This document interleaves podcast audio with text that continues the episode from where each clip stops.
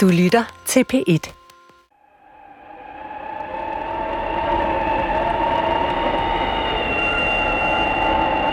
Du lytter til Vildt Naturligt på P1. Gyser Edition. Gy- Gyser Edition. I dag er din øh, uhyggelige værter Johan Olsen. og Vicky Knudsen.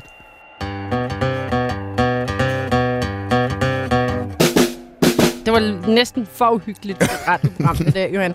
Det skal være lidt uhyggeligt, men det er ikke uh, Gyser Edition. Halloween er overstået. Faktisk skal det handle om noget, vi alle sammen kender. Ja, og som er måske er danskernes yndlingssamtaleemne. Danskerne er i hvert fald rigtig gode til at brokke sig over det, uanset hvordan det er. Ja, men de har også ofte god grund til det, synes jeg. Ah, det ved jeg nu ikke. Jeg synes måske på de her brede grader. Så... Nå, men det er også lige meget. det er nemlig vejret, vi skal snakke om i dag. Mm-hmm.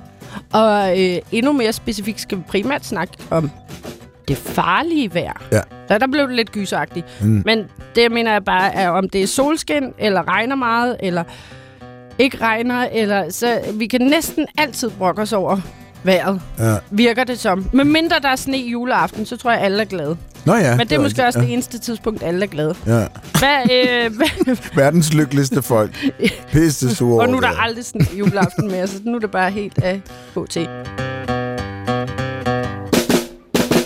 Men til at snakke om det farlige vejr, har vi øh, farlig vejr ekspert mm. og meteorolog. Mm. Jeg vil jo sige en meteorolog normalt, men det det- tager vi allerede lige om lidt. Mm. Jesper Eriksen fra DMI. Velkommen til Jesper. Jo, tak. Hvad mener du, brokker vi os ikke lidt meget over vejret, når man tænker på, hvor vi bor? Jo, altså, der er altid nogle steder, det er værre. Prøv at tænke på, hvis vi havde øh, 44 graders varme. Ja. Altså, vi kan jo få 35 grader, fik vi i sommer, ikke? og det, det er jo slemt. Ikke? Der der er mange andre steder i verden, hvor det er meget værre vejret. Mm. Ja, hvor de har tsunamier og orkaner og tornadoer. Ikke fordi der ikke kan være vildt vejr i Danmark, det skal vi også snakke om, men det virker bare som om andre kan være lidt hårdere ramt på øh, især det farlige vejr eller ekstreme mm. temperaturer, end lige også i Danmark. Jeg har svært ved at stave til meteorolog. Når jeg så har stavet til det, så tænker jeg, jeg kan vide, hvordan man udtaler det. Men i sidste ende, hvorfor hedder det det? Det er bare øh, viden om ja, atmosfærens øh, opførsel. Okay, Øh, men der er også noget, der hedder en meteorolog, og det betyder så også noget andet. Okay. Men det er jo nok det, vi kommer til, Johan. Skal man så sige meteorolog? Bare meteorolog. Meteorolog. Godt. Meteorolog. Vi inviterede dig herind, fordi vi læste øh, en virkelig fed artikel, du har skrevet i Aktuel øh, Naturvidenskab. Du har faktisk skrevet flere til Aktuel Naturvidenskab, som øh, jeg kan anbefale lytterne at kigge på, hvor du skriver om øh, tornado og skypumper. Det skal vi ind på. Men først skal jeg spørge dig, hvor kommer din fascination af vejr fra? Jamen altså, jeg er jo en ung herre fra 78, Mhm. og så i 80'erne, der havde vi jo mange kolde isvintre, eller vi havde tre, og der var jeg jo barn, og jeg blev bare helt vildt fascineret af kulde og sne. Øhm, så det har nok været det danske vejr i 80'erne, der har skabt min interesse for vejr. Og så blev jeg så teenager i 90'erne, og der var mange milde vintre, og øh, så lige pludselig på DR, så sagde Voldborg, nu kommer der en snestorm om et par dage, efter det har været mildt længe, og det var meget fascinerende for mig, for det kommer til at passe. Øh, men også i 90'erne kiggede jeg meget på tekst-tv efter vejrudsigten, og jeg kiggede altid på sydlandsudsigten, hvornår slog det om fra mildt mm-hmm. til koldt.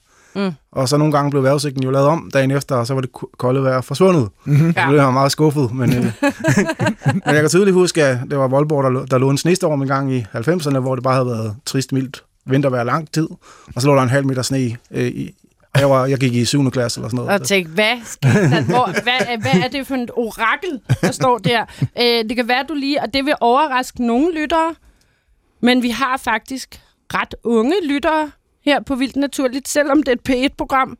Ja, det kan komme som en overraskelse. Børn og unge, som måske ikke lige ved, hvem Voldborg er. Hvem er Voldborg? Jamen, øh, Voldborg, han var jo en, en meteorolog, øh, som arbe- arbejdede på DMI meget længe, øh, og så fik mulighed for at komme ind på DR-erhvervet, og han var meget, meget levende i sin fortællingsform, øh, og var god til at komme med metafor- metaforer og, og ting, øh, folk mm. kunne forholde sig til. Øh, så det var sådan i- ikonisk, øh, så det er måske lidt ligesom her skæg, kan man Meget sige. Bare, folkekær, ja, ja, ja, lige ja, præcis. ja, ja, Meget ja. folkekær, og meget øh, øh, fine svætre nogle gange med Nå, ja, vejret på. berømte sweater. Ja, og jeg elskede ham også, men jeg var lidt irriteret, da vi flyttede til Bornholm, hvor han tit stod dækket for Bornholm, når han var lavet vejret. det var faktisk det, det eneste, jeg lige havde at, at brokke brok mig over, når man gerne vil se også temperaturerne på Bornholm. Men han var fantastisk, og øh, man kan garanteret finde en masse klip med ham. Og der er meget, meget stærke vinde, først fra syd op til stormstyrke her på forsiden, og senere vil der også herude på bagsiden blive stormstyrke. Og når jeg har taget den her trøje på, så er det fordi, det betyder, at vinden går på tværs af Storebæltsbroen. Så du har endnu mere at takke Voldborg for end os. Altså, det var inspirationskilden. Ja, det var hans fortællestil, og så også, at det, at det blev rigtigt.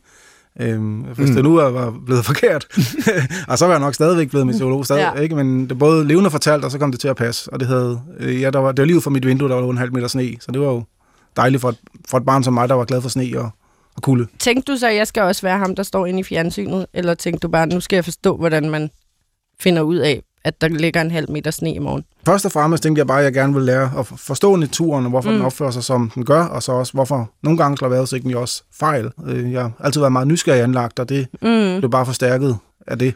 Ja, det skal vi også ind på, det der med, den slår fejl, for det er jo også noget, vi er rigtig gode til at brokke os over. Man aldrig kan stole på nogen af de der apps, der fortæller noget om vejret. Men hvad er det, du laver til daglig, Jesper, når du sidder inde hos DMI? Jamen, øh, jeg har mange kasketter på. Altså, vi laver både vejrudsigter til vands, til lands og i luften. Det vil sige, at vi kunne lave vejrudsigter til piloter, og vi kunne lave vejrudsigter til ja, herre fra Danmark, der skal ud og holde havefest. Og vi kan også lave vejrudsigter til folk, der skal ud og sejle. Og øh, så det er meget forskelligt, hvad man laver. Altså nogle gange, hvis man sidder og skal lave vejrudsigter til piloter, Mm. så, kan man, så vil piloterne gerne vide, i hvilken højde ligger skyerne i. Mm. Meget, meget præcist. Og hvad bliver sigtbarheden? Altså, er, er det 200 meter sigt, eller er det 700 meter sigt? Og så, hvis det er til her fra Danmark, så siger vi bare, at det bliver gråvejr og diset. Ja. og en gang imellem lavtryk og højtryk. Noget med, Jeg kom ved, at de som plejer at virke. der er forholdsvis stor chance for, at der bliver gråvejr og diset.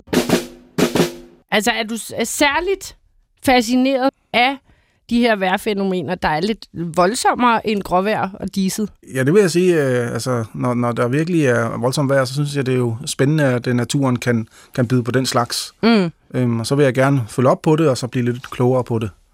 Jeg må jo øh, blankt erkende, selvom det er lidt fjollet, at jeg elsker at kigge på tordenvejr, men jeg er også virkelig bange for lyn. så hvis jeg er udenfor, så kan jeg godt blive sådan, huh, nej, nej, og ikke ind under et træ. Er der en bil, jeg kan søge dækning i, eller jeg skal helst bare ind i huset? Så kan godt være, at lynet slår ned i huset, men så føler jeg mig stadig sådan lidt tryg. Er du, altså, opsøger du det, når der endelig er, når der endelig sker noget i Danmark? Altså, hvis du nu snakker tordenvejr, øh, det er jo meget fascinerende, så jeg sidder jo og tæller, hvor langt væk øh, lynet er, og det er Mm. jo så, når man øh, ser lynet og hører tordenet, så hvis man tæller tre sekunder, er det en kilometer væk. Men jeg tager aldrig nogensinde ud at løbe, når det er tordenvejr. Altså, jeg har stor okay. respekt for, for lynet. Det er, Har vi for eksempel nogensinde tornadoer i Danmark?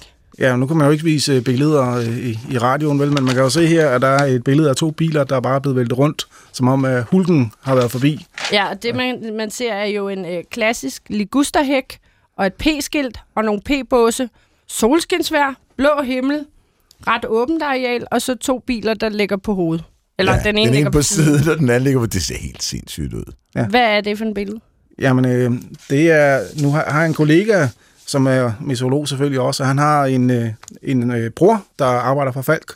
Så han skulle ud dagen efter det der skete og, og øh, hente bilerne. Mm. Og man kan jo se nummerbladene på en af dem, og jeg er jo lidt øh, nørdet, så jeg øh, stod op, hvad vejer sådan en krabat egentlig?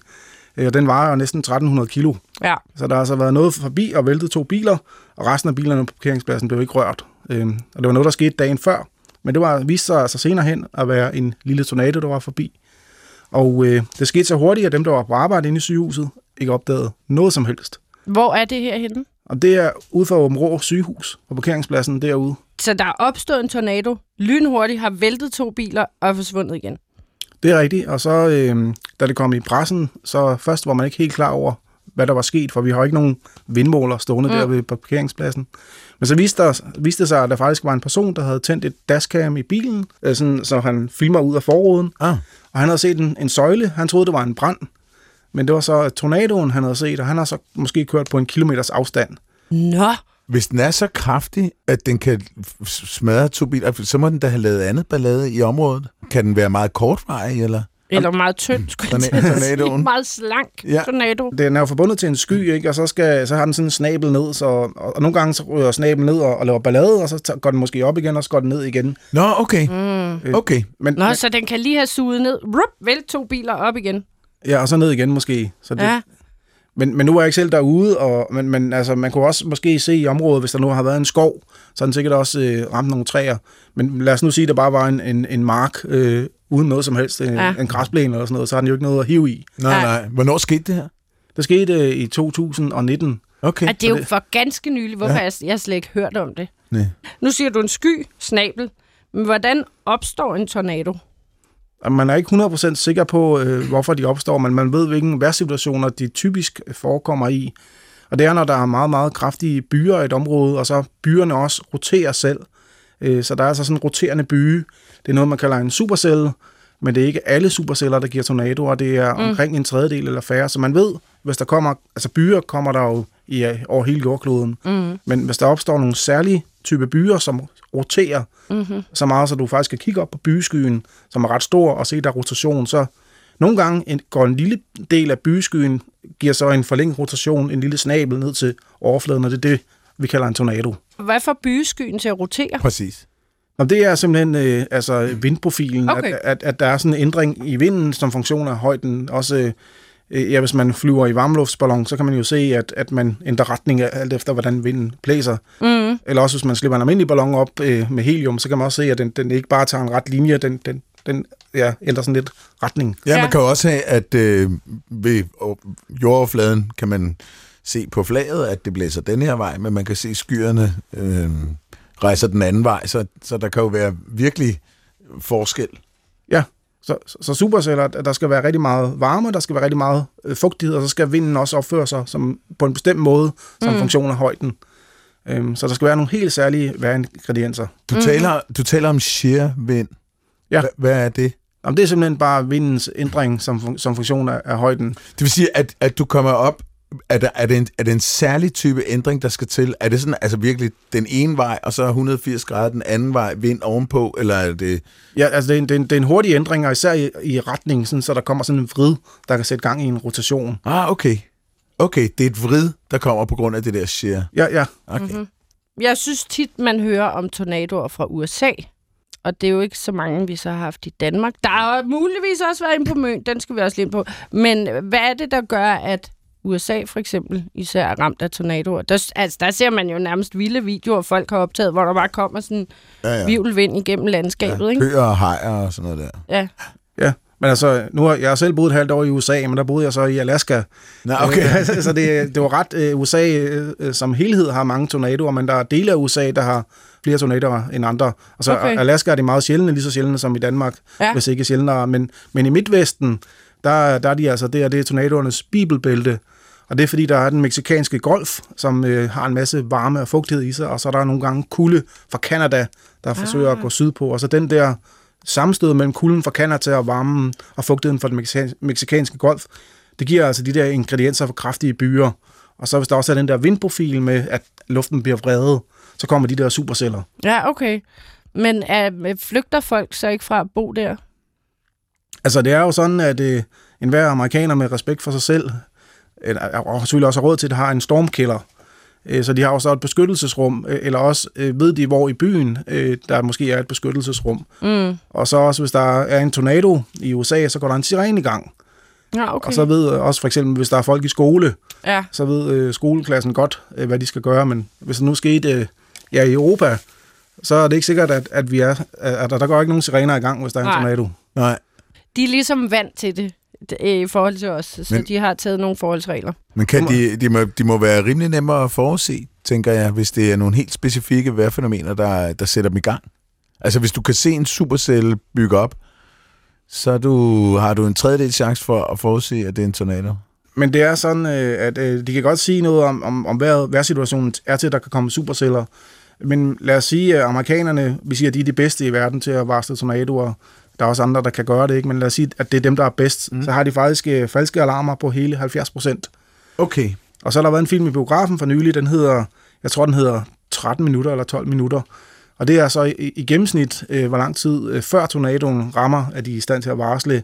Øhm, og der er så nogle steder på nettet, de siger, at det er i 10 minutter. Mm. Men, men sådan, hvis, hvis, hvis vi nu boede i, i Oklahoma i Midtvesten, så kan man regne med, at sådan cirka 10 minutter før en tornado rammer, kan du blive advaret, men mange af de advarsler, du får, er falske. Ja. Øhm, og det er så, fordi de måske har set sådan en supercelle med rigtig kraftig rotation, men øh, den kan man se på en radar, men radar kan ikke se, hvad der er helt nede ved overfladen. Den har sådan en blind vinkel, den skyder strålerne sådan skråt ud. Mm. Så der er sådan, øh, hvor tingene kan gemme sig under sådan helt nede ved overfladen. Og tornadoen skal altså have kontakt med overfladen. Altså hvis der er sådan en kraftig rotation, 500 meter over dit hoved, så kan man selvfølgelig også blive bange. Ja. Men, men den skal have snablen nede i jorden. Mm. Ja, der sker noget. Ja. Har du så, når du nu siger, at du har boet i USA, så var det så ikke der, men altså har du så, nu har du respekt for lyn, fornuftigt. har du så også for meget respekt for tornadoer til at tage ud og opsøge dem? Eller har du været ude og gerne vil se, se en i virkeligheden? Og det er lidt et ledende spørgsmål, fordi, fordi jeg var jo øh, sammen med noget, der hed Vildværsklubben. Der var vi på... Vildværsklubben? Ja, en dansk klub, der hedder Okay. Vildværsklubben. Vi, øh, ja, vi ville gerne øh, se en tornado, Mm. så vi tog til USA en sommer. Jeg tror, det var i, om det var 2006 eller 2007. Men øh, vi ville selvfølgelig ikke komme til skade, så, så derfor så tog vi kontakt øh, over internettet med nogle amerikanske eksperter og spurgte, om, om de ville være vores øh, barnepige, eller hvad skal man sige. Ikke? øh, fordi man skal virkelig have respekt for det her. Ja. Så, så vi fik hjælp fra nogle amerikanere til at være på tornadojagt. Og det var ufattelig spændende, men, mm. men det er ligesom, hvis man skal på skiferie og bestiller, så kan man godt komme ned, og så er der bare 12 grader varme og ingen sne. Ja. Og, og vi kommer altså over til 10 dage solskin, og så ja, to dage med superceller. Så det, Nå, okay. Ah, okay, men I så superceller. vi så superceller, og så så vi en enkelt tornado. Okay. Nå, Okay, Ej, det har da okay. været en god Hey. tur, så. Ja, det 10 var, dage med solskin, og så to dage med superceller, og alligevel kom der en tornado. Det kan da ikke have været helt skidt. Jeg vil gerne have haft 12 dage med tornadoer. Men, Nej, okay. Er det igen et lidt ledende spørgsmål, for jeg havde tænkt det andet. Nu har jeg set en tornado. Det er fint, så jeg lige så godt kan tage godt vejr de sidste 10 dage. Jeg bliver nødt til at have afklaret en ting. Det tror jeg også, Johan bliver. Er der blevet kastet med køer? Og har jeg nævnt du også. Men altså, kan de, altså, er der blevet kastet med husdyr i sådan nogle tornadoer? Nå, men altså, nu ser vi jo, at øh, det der billede af bilerne, der kan væltes om, ikke? og det er jo Danmark, og, og vi har små tornadoer. Og i USA, der kan de jo jævne alt med jorden. Mm. Øh, Nå, men jeg tænker, jævn med jorden og vælte en bil, det er en ting, hvis den er sådan ned og rører ved jorden. Men få det med op i vivlen, sådan så der flyver køer og møbler rundt i sådan en Altså, er det kun noget, man ser på film, eller sker det også? Tegnefilm. Tegnefilm, ja. Nej, men altså, man kan godt se, det, der er jo meget medieovervågning øh, på sådan nogle tornadoer der, så, så, så den tager altså nogle ting op øh, med sig, om den så suger, eller om, det, om den kaster til siden, og, og så rammer den noget og bliver kastet op og sådan noget, det, Mm. det ved man ikke, men, men der er altså i, i tornadoens øh, øh, vivl, der er altså også, der kan være mange forskellige ting, Okay. øhm, men om der er decideret er køer, det, det, det, det, jeg, så, det må I søge på, på nettet og se. Jeg synes faktisk, jeg engang, altså nu det øh, kun lige kommet, jeg synes, jeg læste et eller andet omgang om et eller andet dyr, om det lige var en ko, Mm. som netop, altså man havde fundet dødt og ment var blevet kastet ud af sådan en Okay. tornado. Altså, jeg Nå. refererede til øh, en øh, fantastisk række film øh, under navnet Sharknado, Ja, Jacques. hvor, øh, hvor hajer bliver suget op i tornadoer og angriber flyvemaskiner. Og sådan. Det, det er måske den dårligste film, øh, jeg nogensinde har set halvdelen af. Men, øh, nej, men så det, du, der, det bliver ikke... Ikke et ondt ord om Sharknado. Så du siger, der er i virkeligheden ikke noget sådan specielt voldsomt sug. Det er mere bare en kæmpe storm på et lille bitte område, der, der, der roterer. Der er også et øh, kraftigt sug. Okay. Øh, men men øh, tingen er, øh, at, at sådan en tornado der, man kan ikke måle direkte på den, men mindre man kører rundt med sådan en, en radar og følger efter den. Og så kan man analysere den, så der er mange tornadoer, man ikke har analyseret ordentligt. Okay. Men man mener, at der er, altså, så for det første er der kraftige vinde, altså vandrette vinde inde i en tornado, som, som kan blæse dig øh, til Langbordistan. Ja. Øh, men der er også en form for sug. Men, Okay. Øh, og, og den kan også suge ting op. Men, men hvor meget den kan suge, men hvis man nu havde stået der og kigget på tornadoen der, så... Øh, Nå, ved bilerne der ja, ja, ja, ja. ved åben rå. Mm. Så man ved ikke, om de bare er blevet vippet over, Nej, eller Mm. om de er blevet suget en meter op og så kastet væk. Landet igen. nu taler du en del om det øh, radar. Hvordan fungerer det, hvis du skal analysere en tornado med en radar? Hvordan gør du det? Radaren, den øh, kan detektere for det første nedbør, og så kan den også detektere bevægelse. Øh, Så det radaren kan gøre, øh, det er, hvis du scanner øh, en supercell eller en tornado, så skal den afsløre, hvor der er kraftig rotation. Okay, Altså den kan sige noget om bevægelsen. Okay. Øhm, og så er der så dem, der er trænet til det over i USA, de er vant til at kigge på de der radarbilleder, og så hvis der er et område med særlig, særlig kraftig rotation, så siger man, at det er sådan et øh, fingeraftryk på noget, der godt kunne være en tornado. Mhm. Men de kan ikke vide, om rotationen er helt nede ved overfladen, for der er radaren blind. Okay, når, når, øh, når jeg kigger på vejrradaren på DMI, eller jeg var øh, på en vejrradar for nylig, for, at- fordi der var et ret voldsomt uvejr over Kreta, hvor jeg var. øh, og hvilket var i øvrigt fuldstændig fantastisk at se, fordi det roterede også. Og det var ekstremt koncentreret lige over, over øen. Og så begyndte det sådan at rotere rundt. Og så var det jo fuldstændig, der var helt katastrofe op i nordøstkysten der. Det var ikke en god dag at tage til Knossers på. Men jeg befandt mig heldigvis et noget roligere sted. Men, øh, men de vejrradar, det må vel være satellitmålinger. Altså nedbørsradar. De radarer, vi har på DMI, øh, de står nede på overfladen, og de står ret stille. Hvis man virkelig, hvis man gerne vil forske i for eksempel i superceller og tornadoer, så, så skulle man søge om midler til at have sådan en mobil radar, hvor man kunne følge efter tornadoerne, og det er nogen, der gør over i USA. Ja, jeg har set det der på, på sådan nogle dokumentarudsendelser, hvor de kører rundt i deres biler og, og jager øh, tornadoer.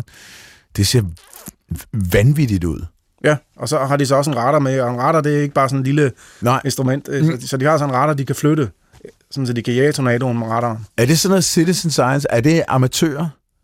Altså det er meget, meget øh, forskelligt. Altså dem, der decideret forsker i det, de skal jo have midler til det. Ja. Øh, så de søger om nogle forskningsmidler, men, men det er også meget, meget vigtigt at have nogle øh, øh, amatører, lyder, lidt- lyder lidt negativt, men nogen, der gør det for interessens skyld. Der er også over i USA, er der noget, der hedder spotters, og det er øh, sådan nogle, der indrapporterer, når de ser en tornado. Fordi amerikanske meteorologer, når de er på arbejde, de sidder jo også øh, i et kontor, Ja. øh, og så sidder de og kigger på alle mulige radardata og den slags ting. Øh, Men selve tornadoen kan de jo ikke se. Øh, De kan se kraftig rotation på radaren, øh, men de skal have bekræftet, at, der, at den har snablen ned i jorden, og mm. der er de simpelthen nødt til at have, have folk ude i felten.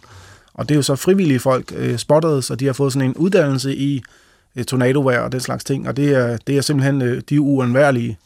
Sej, jeg elsker sådan noget. Hvor stor kan en tornado øh, blive? Altså, kan man måle, hvor... Nu sagde du, det var en lille, lille tornado, der havde væltet de to biler i Danmark. Men, og det var derfor, jeg spurgte tidligere, om det var en tynd tornado, siden den sådan lige havde rup, kun væltet to biler. Øh, men hvor brede kan de sådan ligesom blive i, i diameter, eller hvad man skal sige? Ja, altså der er øh, i den artikel, jeg skrev til Aktuel Naturvidenskab, øh, der, der står rekorden til at være lidt over 4 kilometer.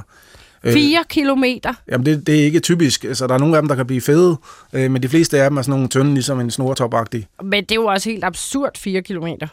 Ja, det må man sige. Men det kommer også an på, hvordan man definerer den, fordi øh, tornadoen, øh, den er jo også, øh, normalt kan man se, at den også har en træksky, og der er jo selve trækskyen, men omkring trækskyen er der jo nok også kraftig vind, og så hvis den har kastet nogle ting rundt, øh, det kan være noget, ja, noget, noget, noget hø, eller øh, dele af huse og sådan noget der, så kan det også være svært og, og se, hvor meget den egentlig fylder. Og så er de 4 km, lidt over 4 km, som er rekorden, det er måske også med de der wow der er oppe i, i vivlen. Ja, vraggods. Som vi stadig ikke ved, om der kan komme en helt kod op. Nej, Måske, vi- det kommer an på, hvor stærkt det er. En, Men det må man jo vel kunne regne ud, hvor, hvor, hvor, hvor kraftigt er, hvor meget energi der ligger i den, og hvor meget en ko vejer, og så må man vel En lille ko. beregne Jeg ko. prøvede lige at google, og det eneste, jeg kunne finde... Øh, altså, nu gik det også meget hurtigt, fordi jeg også gerne ville høre, hvad I to sagde. Men der var i hvert fald en øh, video fra i år, hvor at køer og biler bliver slynget rundt af en tornado. Men om de jo ligesom kommer med helt op i trakten, mm. det er jo lidt det, der egentlig var spørgsmålet, Ja. ja. om det kan lade sig gøre. Men Jesper, nu kommer jeg jo fra Bornholm. Og mange en gang har jeg set, måske fem gange, set øh, det, jeg jo vil kalde en skypumpe, som jeg ikke sådan er øh, særlig bange for. Det virker som altså øh, den meget uskyldige lille, lille søster, lillebror udgave til en tornado, sådan en skypumpe. Hvad er det i forhold til en tornado? Jamen altså, øh, en skypumpe kan man sige er tornadoens øh, lillebror. Og typisk, hvis det er, øh, der er tornadovejr i udsigt, så vil det generelt være uværsstemning. Altså, der er kraftige byer, der er måske tordenvejr i vejrudsigten. Mm. Så man forventer altså en form for uvejr, når det er tornadoer. Men øh, skypumpevejr, det, det er en meget fredelig dag. Mm. Det kan være, at vejrudsigten siger lidt eller nogen sol, svage vinde og så spredte byer. i, i, i disse vejrsituationer kan der komme skypumper. Så skypumper kommer øh, på dage, hvor vejret generelt er meget, meget fredeligt og uskyldigt. Mm. Og derfor er det også noget, folk kan se øh, og tage flotte billeder af. Mm. Mens øh, tornado er sådan en rodepartik, hvor det er et lidt større uvær, uvær, så der er en lille mængde af uvær, der lige har snablen ned i overfladen. Så de er meget kraftige. Ja. Jeg synes også, det virker som om, de skypumper tit er langt væk. Altså, jeg, jeg ved ikke, om det er på grund af det Bornholm, jeg synes tit, de er ude over vandet. Ja, det, det er det typiske, øh, men, men øh, vi har heller ikke nogen database over forekomsten af skypumper. De kan så også komme over land, Ja. øh, men vi har aldrig målt på en skypumpe, så man må aldrig nogensinde prøve at gå ind i en skypumpe. Hvordan, øh, hvordan opstår de? Skypumper? Det er, øh, når der er, sådan, igen, der skal være sådan en rotation, der opstår, øh, altså luften skal vrides, og øh, så der er, der er aldrig nogen, der har mål på det, øh, men altså der skal være, det skal være byvejr, og skal der være sådan en rotation, som også er altså en, en, en lille øh, vindre, vind, vindændring, eller nogle vinde, der mødes nede ved overfladen. Okay, mm. så det er, det er en lille tornado. Det er en lille tornado, altså der er nogle krav til vindprofil. Fænomenet er lidt det samme. Ja. Mm-hmm. Altså- Jeg, jeg husker en ret syret situation. Jeg var på Interrail i Portugal som ung. Og så var vi et sted, hvor der var en, øh, et campingområde, som var indhegnet. Og så på den anden side af hegnet, ind mod land, den anden var ud mod havet, ind mod land, der var der en stor slette. Altså mm-hmm. sådan helt, ja, det, det kunne ligne en stor forladt parkeringsplads. Meget stor. Helt fuldstændig vandret slette. Derude opstod der hele tiden sådan nogle vivler. Og det vil ikke kalde dem skypumper, men det var sådan nogle øh, ret store vivler. Øh, man kender dem også fra efterårsbladene, der pludselig begynder at dreje rundt, men de her, de var øh, meget større. Mm. Og en af dem kom så ind. Jeg stod helt fascineret og kiggede på de der, for de var virkelig flotte, og de blev farvet af støvet, så man kunne virkelig se dem. En af dem kom ind over campingområdet, og så stansede den over sådan et kuppeltelt, og så stod den bare og hæv det der kuppeltelt. Og der kom nogen skrigende ud. Der var to derinde. Nå. Ja, de var påklædt, da de kom ud, og så, og så løb de væk, og så kunne man se, så røg der en af de der, øh, hvad hedder de, pløkker, Ja, okay, du fik det virkelig allerede til Så røg der en til. der røg der. så røg der en til pløk, og så, for, så for opløste den. Opløste den. Nå, Så okay. det, det var ekstremt overvældende at se, og den har måske rejst sig 5 meter eller sådan noget. Ja. Den var ret hæftig, altså. Men kan det opstå nede ved jorden? Altså bare med vind, vindforhold der? Ja, det, det, det kan det godt, øh, også fordi på et tidspunkt skulle jeg øh, snakke for en spejderklub, øh, og det var sådan nogle børn på 8-10 år, og så spurgte jeg, hvor mange af dem, der havde set en tornado, og jeg sagde, at det var sådan en kraftig vivl med, med øh, rotation, øh, roterende luft, og det havde de alle sammen, mente de. Ja, Så, så der er jo de der blade, der bliver vivlet rundt, ja. ikke? Og, og så det der, du snakkede om fra Portugal, det er noget, man kalder en, en, en høtyv i Danmark, mm. øh, og, og i USA bliver det kaldt en dust devil. Okay. Og, og det er typisk noget, der opstår, de har ikke noget som helst med en sky at gøre. Øh, Det er simpelthen bare øh, øh, dage med solskin, og så øh, rigtig meget opvarmning, og, og så opstår der sådan nogle lokale hotspots, og så er der sådan nogle tilfældige vindprofiler også, sådan, så der kommer altså sådan en lille vivl. ja en lille vivl. Ja, og Eller en, en 5 meter vivl. En høtyv. En høty. en høtyv, ja, og en, en dust devil bliver det kaldt på amerikansk. Yes. Jeg føler, det er resterne af sådan en, man ser i westernfilm, når der kommer sådan en rund... Øh, sådan, rund Nå ja, Hvad hedder øh, de? Vindhæks? Nej, Vindheks. øh, øh, ja, vindhæks. Tumbleweed på engelsk. Ja. tumbleweed. Ja. Og, der, og de kan også, dust devils er normalt ikke farlige, men lad os nu sige, øh, nu havde du et godt eksempel. Lad os sige, at der var Tivoli, og der var nogen, der havde sat en hoppeborg op, Øh, og der, så den så får fat i hoppeborgen, øh, så er det jo lidt, man har jo, folk, der er kitesurfer, ved jo, at hvis man har sådan en stor flade, mm. så er der masser for vinden at tage fat i, og hvis Ja. ja. en, devil rammer en hoppeborg, hvor der er børn på 2-3 år op i, så bliver hoppeborgen måske kastet 10 meter op i luften. Ja, så er det ikke så godt. Nej. Så de kan også, vi skal bare generelt have respekt for vejret. Ja, og så drop Sådan det. hoppeborg. Men jeg bliver nødt til lige at droppe hoppeborg. Ah, ah, ah, er ret sjov. Øhm, men Jamen, du må jo ikke gå op i den alligevel. Nej, det må jeg da i hvert fald. Nej, Vicky, det må du faktisk Det ikke. må jeg da. Hvis jeg leger en hoppeborg til min Nå, bagborg, ja. og har lyst til at hoppe i den, så må jeg da godt gå op i den. Okay, rige svin. Hver gang jeg ser en hoppeborg, så er, der, så er der børn i den. Jeg ved ikke, om I har det på samme måde. Og jeg tænker, når jeg ser på sådan en hoppeborg, så siger jeg, kunne godt lige bruge 10 minutter, hvor jeg bare står og hopper rundt i den der sammen med men mine er venner. Man at det må alle man børnene. ikke. Ja, det er rigtigt nok. Der burde være voksen hoppeborg. Det er her med en opfordring. Ja. Øhm, men jeg bliver nødt til lige at spørge, fordi i, i, i sommers på et eller andet tidspunkt, og igen på Bornholm, så var jeg på vej til færgen med Gunnar. Mhm. Så jeg kom kørende i bil. Og så kørte jeg op på et bakke, og det her er højt oppe. Og så var der en skypumpe ud af skyen meget højt op.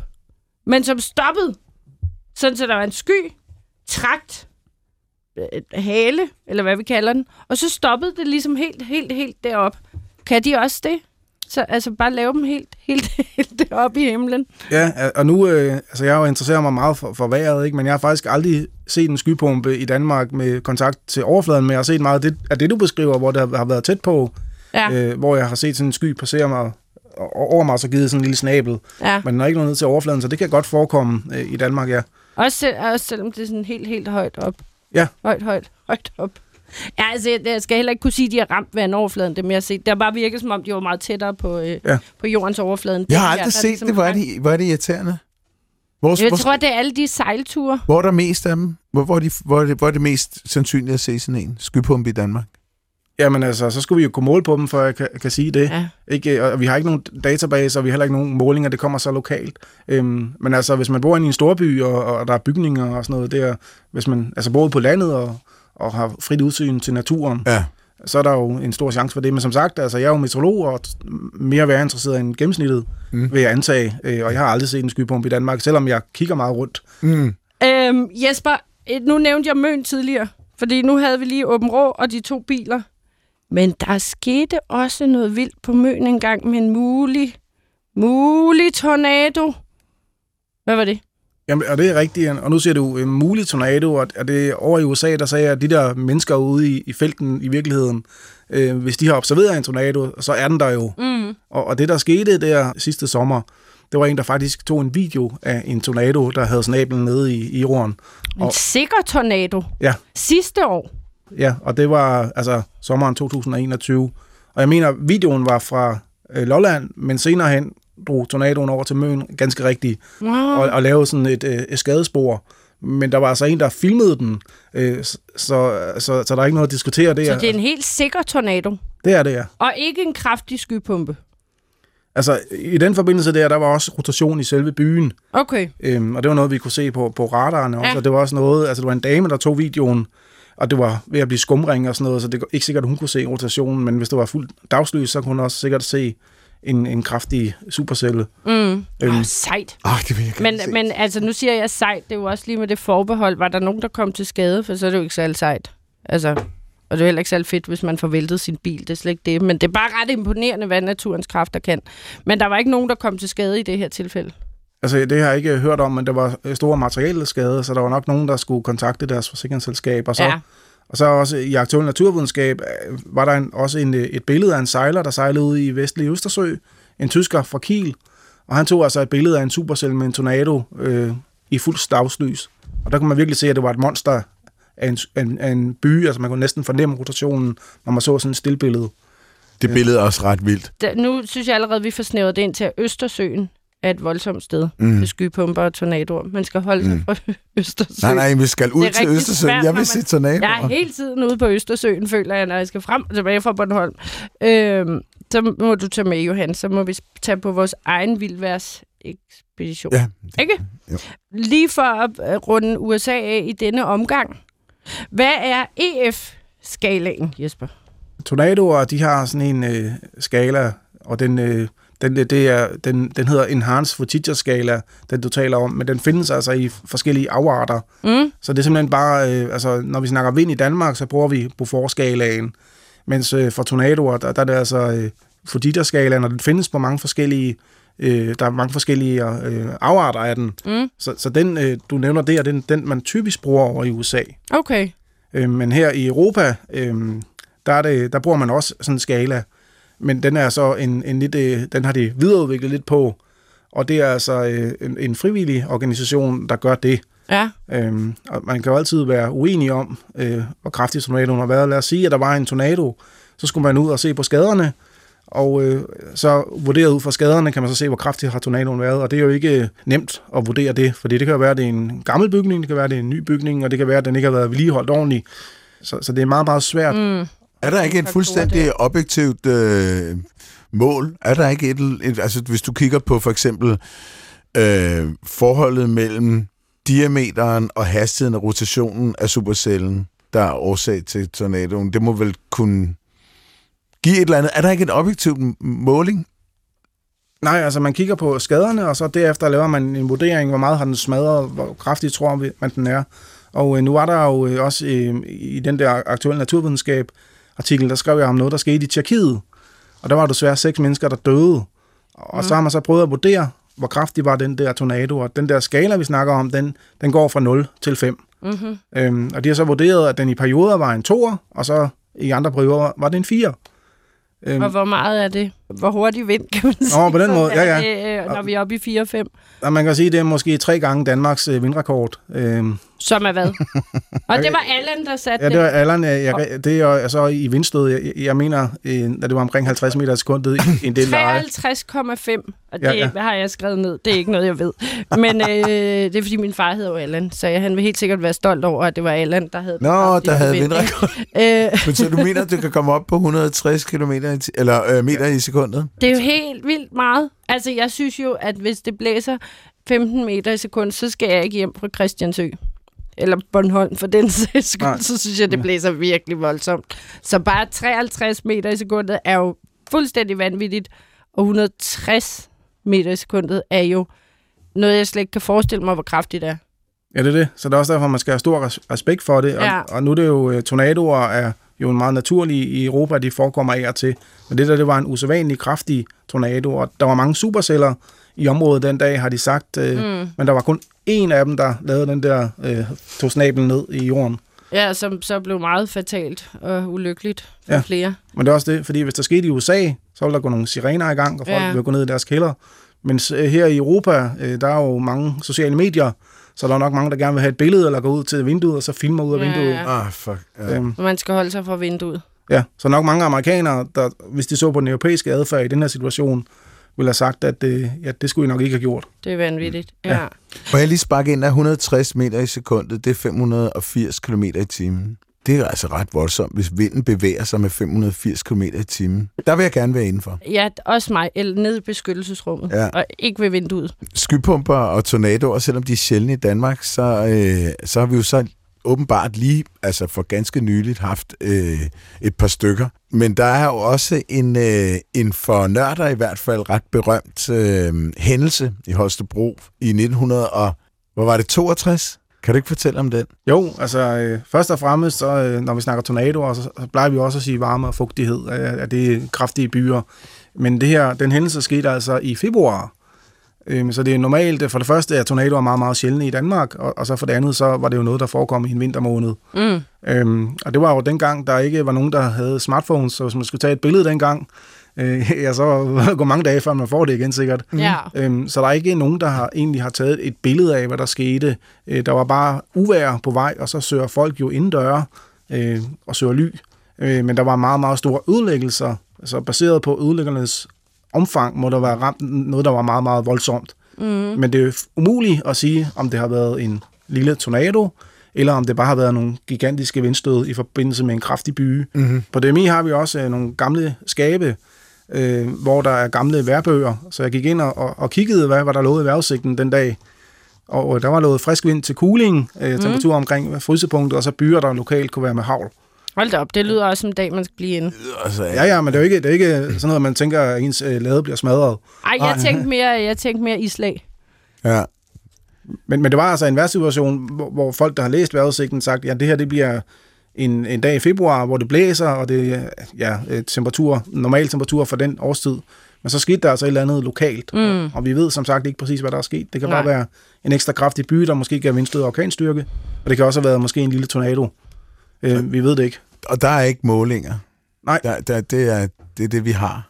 Øh, og så har vi, men der er en masse billeder og øjenvidner, men, men, men når det er sådan uvær, så, så, øh, så venter folk jo ikke på, Nej. At, at det kommer og, og virkelig orienterer sig, så søger de bare ly. Ja, ja, det er klart. Vi må have Karsten i arkiverne og lede efter øh, små øh, radioklip fra 1962, den øh, 11. februar. Ja. Kurt Nygaard bladrer i de billeder, han selv tog i timerne efter. Det var en meget voldsom oplevelse. Man troede jo næsten ikke, det var noget, der kunne ramme Danmark, og, og der slet ikke Holstebro.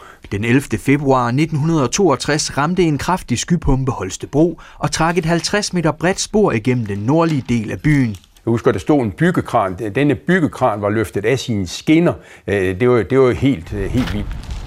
Hvis det havde været en hverdag, så havde der været mange folk på gaderne, og så kunne det ikke undgås anden, at der havde sket personskade. For det er jo klart, tagplader og, og, og alt det fløj jo rundt, det kunne man jo se. Det var jo spredt hele vejen, så hvis der havde været nogen, så, så havde det fået fatale følger. Det er der ikke tvivl om. Og så et sidste tornado-spørgsmål i denne omgang, før vi bevæger os videre til en gættelyd, og derefter mere farligt vejr. Kommer der, nu tænker jeg med klimaforandringer, det bliver varmere, og så den her forskel i kulde varme. Altså kan der komme flere tornadoer i Europa og Danmark fremadrettet, end vi har set før? Men øh, for at skulle have et videnskabeligt grundlag for at udtale sig om det, er man også nødt til at have en måling på, hvad der har været hidtil. Nej, det er klart. Og vi har ikke nogen database for det, men altså øh, klimaforandringerne siger, at det bliver mere øh, varmt, og det bliver mere fugtigt. Mm. Det er jo byernes øh, næring. Øhm, så der er altså mulighed for kraftige byer i et varmere klima, mm. men der skal også være det der vrid i luften, altså det der bestemte vindprofil. Og det gør jo det lidt mere kompliceret at svare på, men også, nu er jeg ikke selv forsker, men hvis jeg skal svare på det spørgsmål, og var forsker, så vil jeg også gerne have en database over forekomsten af dem mm. bagud i tid. Ja. Vil I lige have en gættelyd? Ja, tak.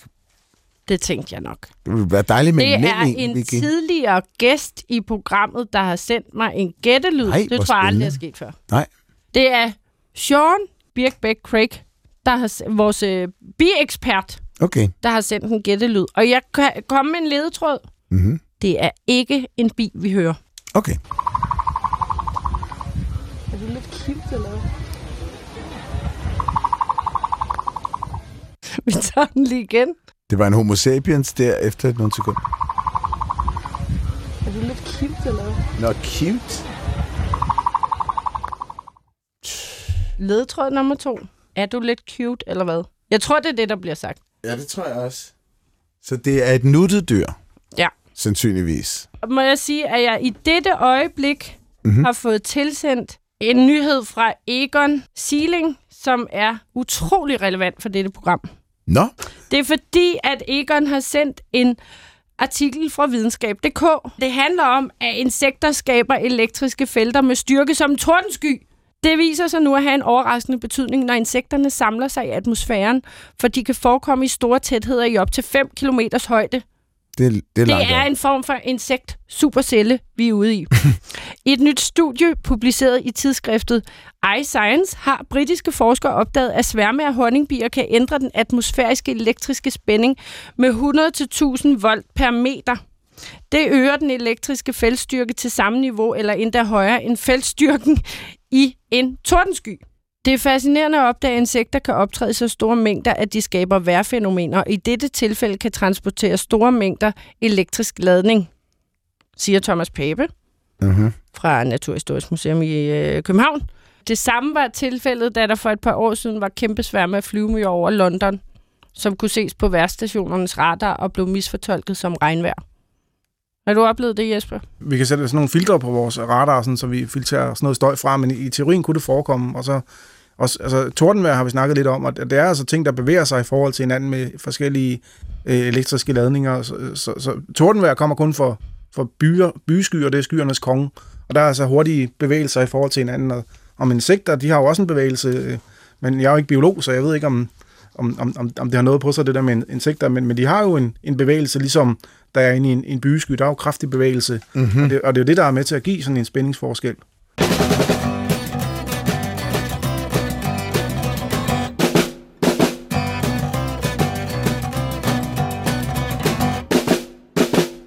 Vi har besøg af meteorolog Jesper Eriksen, Danmarks Meteorologiske Institut, og vi taler om farligt vejr.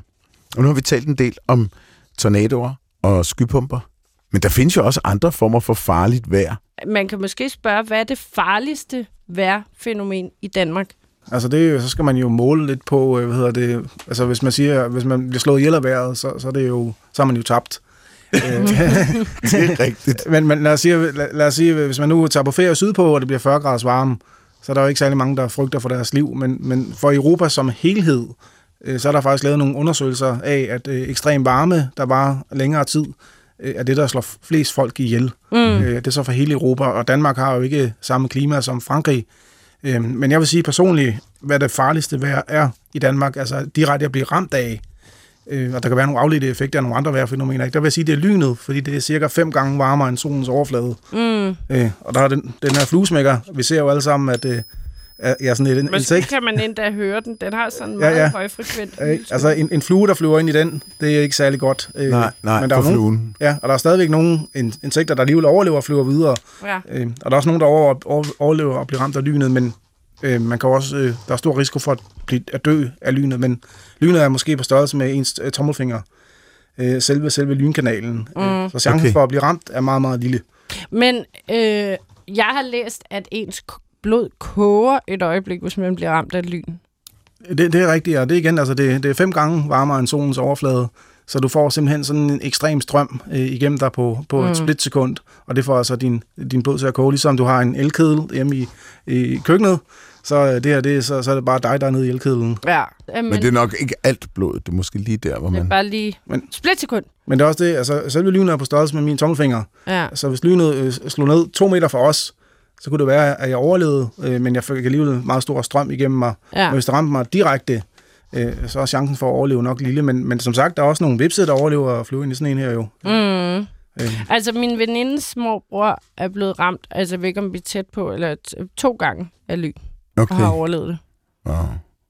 det. Altså, jeg tænker også bare, chancen for at blive ramt to gange i sit liv, er jo så mikroskopisk, at det nærmest er mindre end chancen for at vinde i lotto. Man kan jo lige, man kan jo lige faktisk øh, illustrere, hvor varmt det er ved at sige, at der findes meget, meget få øh, naturligt forekommende øh, glasfænomener ude i naturen. Det, det, glas, det er sådan et kunstmateriale, mennesker har fundet på, men der findes faktisk nogle steder øh, glas, der hvor dynet er slået ned i sand.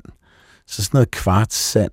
Nå, Det kan smelte, og så kan det størkne i sådan nogle ret flotte forgreninger. Så, så øh, Ej, det kan, sejt. Ja.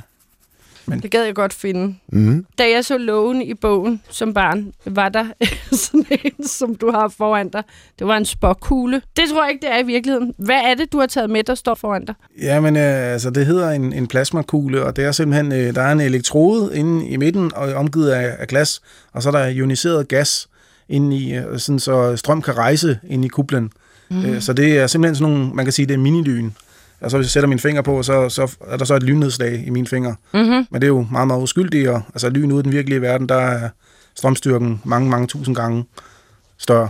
Altså, det er simpelthen en, en, en øh, glaskugle, og så inde i midten er der en anden kugle, som udsender sådan nogle øh, lyn i slow motion, kravler de der lyn rundt og har kontakt til overfladen. Det er meget magisk. Jeg, jeg elsker den. Det er sådan en, jeg altid gerne ville have som barn, og aldrig måtte få. Hvor får du så ikke en nu? Det skal du også have. Ja. Det Det er det også her. Ja. Jesper skal da ikke sidde alene med sådan en flot ting. Nej, skal... Nej. Selvom det ikke er en spåkugle. Jeg synes, det er endnu sejere, det er en plasmakugle. Altså, nu har vi haft tornadoer, skypumper, lyn, hede. Så er der også kulde. Mangler vi noget på øh, farlig vejr øh, fænomen siden her? Jamen, der er jo også øh, storme og orkaner, der kommer mm. forbi øh, Danmark, og det er jo sådan nogle store vejrsystemer, så når, når de rammer, så er det for mest øh, en stor del af Danmark, der bliver berørt, ikke at hele Danmark får storm. Øhm, og det kan jo så øh, kaste tagsten ned, øh, så man kan blive ramt i hovedet af, men det der med at være ude i en storm eller orkan i Danmark, det skal man selvfølgelig ikke gøre, Øh, men det er ikke, nu vejer jeg 100 kilo, den blæser jo ikke mig af pommeren til, mm. men hvis jeg får en tagsten i hovedet, så dør jeg jo, Ja, Mm. mm. måske. den får fart på. Orkaner kan man jo forudsige, tænker jeg. Ja, altså de der kraftige lavtryk, som kigger forbi i vinterhalvåret i Danmark, dem er vi blevet ret gode til at forudsige, så vi er blevet ret gode til at forudsige øh, storm i Danmark. Og så også, øh, altså nogle gange, i sjældne tilfælde, kommer vi helt op på orkan i middelvind. Okay. Øh, og det er vi også blevet ret gode til at forudsige. Men lad os sige, at grænsen er 32,6 meter i sekundet.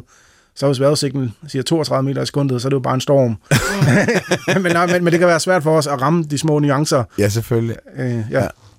Ja. Men jeg må spørge, det er fordi, at jeg tror, at noget af det voldsomste, jeg har prøvet, som var lidt forundret over bagefter, for jeg tænker tit, at øh, efterår er en af de årstider med mest storm, for eksempel. Men jeg var på, apropos Møn, som vi har været inde på tidligere, med en veninde, øh, og det var dejlig sommer, og det var varmt, og vi gik, og så kunne vi se, altså ikke en grå sky, en sort sky af dimensioner lige pludselig opstå. Mm. Og vi tænkte bare, vi skal ind i bilen, før den der kommer. Og så kom der det voldsomste uvejr, jeg nogensinde har oplevet på sådan en ellers helt fredelig og Ja. varm dag, hvor det regnede så kraftigt, at man ikke kunne se ud, selv hvis vinduesviskerne kørte Ja. så hurtigt, og der kom lyn, og der lå øh, kæmpe altså, grene på vejene, der var blevet slået ned af de her lyn, så, det, så de her lyn, var, der var ikke, der, man kunne ikke nå at tælle til tre på de der lyn, og før braget kom. Og så gik der en time, og så drev det over. Det gik der et kvarter eller sådan noget, så var det Ja, godt vejr Jeg har igen. prøvet det der også. Ja, Det- er fuldstændig vanvittigt. Men hvordan kan det opstå så hurtigt? Altså, er det også noget kulde varme, når sådan en, en voldsom, voldsom byge opstår, uden nødvendigvis at have skypumper og tornadoer med sig? Det er ligesom, når, når man koger vand, så kommer der de der luftbobler, øh, øh, der kommer meget, meget hurtigt. Mm. Og det er simpelthen sådan en, en boble, øh, der opstår, og den kan blive dannet ret hurtigt. Altså, den kan gå fra, det kan være skyfrit, og så kan første stadie på det der voldsomme by, kan være der bare et kvarter efter. Mm. Og så kan det være over efter tre kvarter. Så det er simpelthen noget, der udvikler sig ret, ret hurtigt, og det er noget med altså, lavdelingen i atmosfæren at gøre. Ja, okay. Men, men det er meget naturligt, at, at det forekommer, og det er lig, lig, ligesom de der luftbobler i en gryde med kogende vand. Det, Ja. det går hurtigt, og så er det svært for os at forudsige præcis, hvor, hvor rammer byen. Hvad, Ja, det hvad, hvad kalder man dem? Nå, det, det, man kalder det konvektion, ikke? Men, men det er simpelthen bare altså, øh, øh, byer. Øh, Ja. ja. Og Det er bare, jeg, jeg, kan, jeg har en ven, der er pilot, og han, han viste mig øh, i forbindelse med, ja, det er lang tid siden, hvor der var sådan et, virkelig, hvor der var skybrud, skybrud på skybrud i, i Københavnsområdet, og alt blev oversvømmet. Men der viste han mig øh, sådan en pilot hver ting med sådan en radar, hvor man pludselig kunne se ud af ingenting, buff, så voksede der bare ganske langsomt sådan et sky der, og så puff, begyndte det bare at regne fuldstændig vildt. Mm. Det så virkelig fascinerende ud. Og det, og det var altså blå himmel. Og så lige pludselig, så begynder den bare, så kom- kommer der et kim, ikke? Og så, frut, så er den der. Ja, det er meget, meget Men fascinerende. det kan man, det kan man vel ikke forudsige. Det er vel fuldstændig random, hvor sådan en opstår. Øh, Ikke 100 procent, men, men, men, men altså, det, det, det, det er meget svært at sige præcis, at det rammer din have. Ja. Ja. Men vi kan måske Ja. ja. sige en, en landsdel, øh, altså vi kan indsnævre det inden for et areal. Okay, ja. Øh, og problemet er ligesom de der gryde med kogende vand, det kan man måske sige, det kommer ved en bestemt temperatur. Mm. Og vi kan også øh, lave en vejrudsigt, der siger, at hvis det bliver 27 grader varme, så kommer atmosfæren til at eksplodere. Mm. Men så bliver det 26 grader varme i stedet for, og så er Ja. vores vejrudsigt 1 grad forkert. ja. Øh, men alligevel så bliver den helt forkert opfattet, fordi at de der byer kom bare aldrig, fordi der lige manglede 1 grad. Ja. Så, så der skal et eller andet til at sætte det i gang, Mm-hmm. øh, og- og det er måske en meget bestemt tærskel, og hvis den ikke opnås, øh, så, så er det en lille fejl, vi laver, men den kommer til at have en stor øh, impact. Ja. Vi mangler også at nævne havl. Ja. De kan også være farlige, men det er nok igen primært i andre lande, hvor det er sådan nogle golfboldshavl. Men nogle gange kan de jo også blive store herhjemme. Og sne er jo meget tilforladeligt og stille og roligt, når det drysser ned, og har jo derudover en fuldstændig vanvittig struktur, når man ser de her iskrystaller, mm. altså hvor unikke de er i deres udformning. Mm. Men hvad er det, der går galt fra øh, helt stille og rolige, flotte snefnuk, krystaller, der daler blidt ned, til at der lige pludselig kommer noget, hvor alle siger, au, au, au, au, au, mm. når man bliver banket ned af de her isklumper, som ikke engang har en flot struktur mere, men jo faktisk altså bliver kugle runde. Hvad foregår der, Jesper? Om, de bliver simpelthen kastet rundt inde i, i, i en bysky, og så bliver de formet derinde, og de starter egentlig som en, en iskrystal, og så møder de dråber, der er underafkølet, er lidt ligesom en candyfloss af en art, Mm. og så vokser de. Og så er det jo tyngdekraften, der til sidst sender dem ud af- skyen. Ah, hvor smart. Så de bliver simpelthen dannet op i skyen? Ja. Jeg forestiller mig lidt, de blev dannet på vej ned, at det var der, de mødte øh, det her underafkølede vand. Det, så, Men, men De- det er, og skyen, der kan blive det jo kastet op og ned, lidt ligesom i ja, en candyfloss-maskine, ikke? Altså, Mm. at tingene, de bliver... op og tilbage, ja. Ja, ja.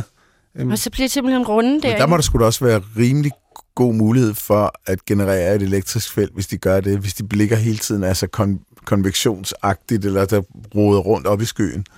Ja. Havlene. Ja, så det er, det, det er også det, man mener, at, at, at tordenvejr opstår. Altså, der er nogle relative be- bevægelser inde i en sky, hurtige bevægelser, øh, en blanding af dråber, underafkølte dråber og iskrystaller.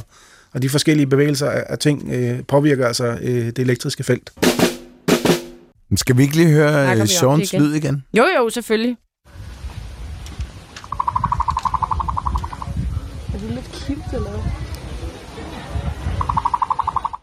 Hvad tror du, det er for en lyd? Jeg tror, det er en fugl, og alle fugle er jo bare fugle. Jeg, øh, jeg satser på, at det ikke er en fugl. Jeg siger, at det her det er en frø. Ja, så vil jeg gerne have to arter. Hvilken fugl, hvilken frø? Kom så, Jesper, du kan godt en eller anden. en fugl i zoologisk have. Men en, nej, jeg ved ikke, en, skal vi sige en, øh, en måge? jeg, jeg ved det ikke. Meget tæt på at ramme en art her. Ja, Johan? Ja, jeg siger, det er en øh, butsnodet, øh, hvad hedder de? Frø. Frø. Ja, Jesper er klart tættest på. Okay. Vi er i zoologisk have, vi er, eller vi er i Repark. Aha. Det er en fugl. Wow. Det er endda en fugl, du kender, som du kan arten på, Jesper. Det er jeg slet ikke i tvivl om. Og måge er jo ikke en art.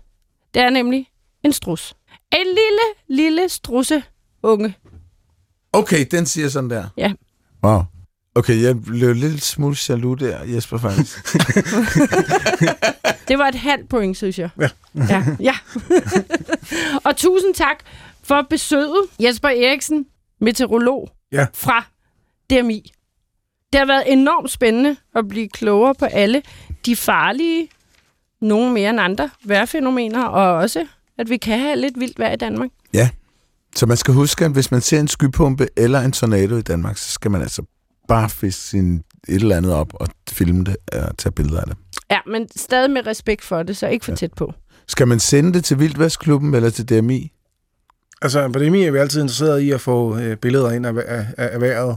Okay, Øh, så, så gerne send det til DMI. Det bliver mine øh, kollegaer også glade for. okay. Du skulle have taget et billede af den der oppe i himlen, så. Det gør jeg næste gang, Jesper. Det gør du næste, næste gang, gang. ser Næste gang. sender jeg Så, den til. yes. Godt. Og øh, så vil vi gerne have lov til at sige tusind tak til Carsten Nielsen, Ja, som øh, for evig tålmodighed. for, hun er han er en meget usædvanligt tålmodigt menneske fra altså, Det Nordjylland. skal siges, lytteren kan ikke se- det. Han sidder og ryster på hovedet, mens Ja. men, øh, Ja, det er hårdt. han, han øh, har en god facade, når det kommer til tålmodighed. Ja, ja. Ja. Så vi vil bare sige tak til lytterne. Ja, vi, vi er virkelig glade for vores lytter. Ja, tak Vi for... har, det er vores helt egen klub. Hvis man vil høre udsendelsen igen, så kan man gøre det på DR Lyd, eller der, hvor man Nej, ellers er finder sin podcast. Man kan også skrive til os på vildt naturligt dr.dk. Tak for i dag.